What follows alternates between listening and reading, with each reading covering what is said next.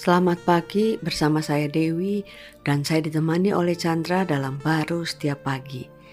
Kita pasti dong ingin uh, melakukan perbuatan supaya uh, pekerjaan yang kita lakukan itu ada di dalam kehendak Allah sehingga hidup kita itu akan lebih baik kan. Nah, mm, orang-orang bertanya itu apa sih yang harus dilakukan Tuhan? Tapi Yesus itu jawabnya aneh, beda banget gitu loh Yohanes 6 ayat 29 jawaban Tuhan dikatakan, jawab Yesus kepada mereka, inilah pekerjaan yang dikendaki Allah, yaitu hendaklah kamu percaya kepada dia yang telah diutus Allah.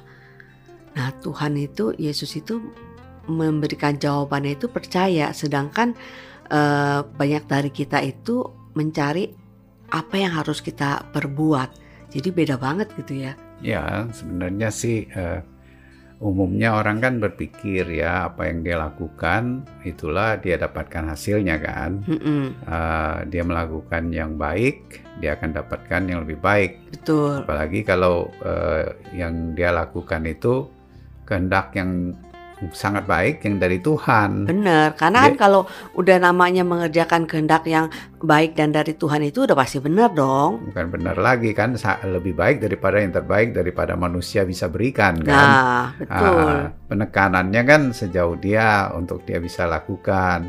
Sedangkan di dalam pemikiran Tuhan, dia ingin uh, manusia itu memiliki satu kehidupan yang baik kan. Bukan hanya melakukan satu pekerjaan yang baik. Ya, bagi dia ya udah tidak mungkin ya karena manusia itu kan pada prinsipnya sudah jatuh.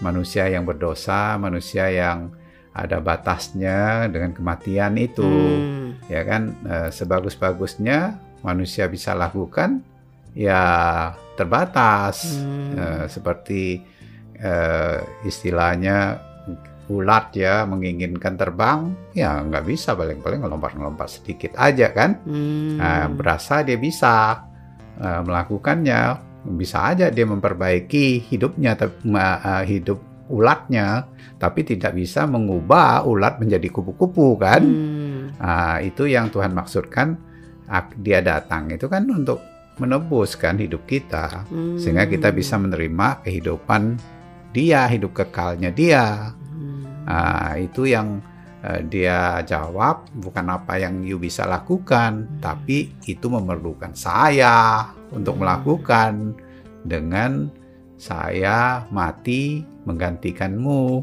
sehingga kita bisa menerima kehidupan kebangkitan dia melalui Roh Kudus. Nah, hidup itulah yang disebut dengan percaya. Iya, hidup baru kita itu hidup melihat sejauh Kristus, percaya kepada Kristus, roh itulah akibatnya kita baru bisa bertindak. Hmm. Nah, tindakannya jadi uh, ringan aja sejauh kualitasnya sejauh dia kan hmm. yang hidup di dalam hidup kita. Oh, jadi istilahnya ya eh, seperti kayak ulat itu perlu diubah kehidupannya menjadi hidupnya kupu-kupu baru dia bisa terbang.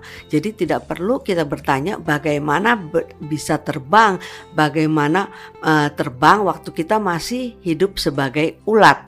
Ya, sebenarnya kalau sudah uh, hidupnya uh, kupu-kupu kan kita nggak maksa-maksa untuk hmm. dia terbang atau nuntut-nuntut ya, untuk betul, terbang betul. Uh, karena hidupnya udah sejauh hidup kupu-kupu yang bisa terbang betul nah, itulah hidupnya Tuhan dalam hidup kita menyatu ya sudah hmm. itu yang kita percayai dan itu yang bergerak dalam pergerakan setiap aktivitas kita oh jadi kita percaya dulu baru uh, pekerjaan yang uh, Tuhan kehendaki itu mengalir dengan begitu saja kita lakukan ya.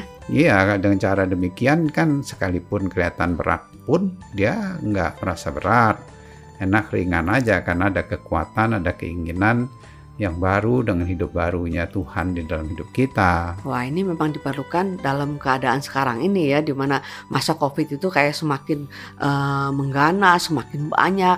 Tapi kita tahu karena kita percaya hidupnya kita, sehingga kita bisa melakukan apa saja sih ya sebenarnya ya dengan percayanya kita. Iya, betul. Kalau kita ngelihat situasi kondisinya hidupnya di situ, kita terseret, hmm. jadi berat, ringan, eh, eh takut, khawatir tapi kalau kita ngelihat di hidup kita yang baru, ada rohnya tinggal di dalam hidup kita, ya ada satu rasa damai, sukacita, perlindungan dan eh, tindakan-tindakan yang harus kita lakukan juga tidak berat gitu. Amin. Amin.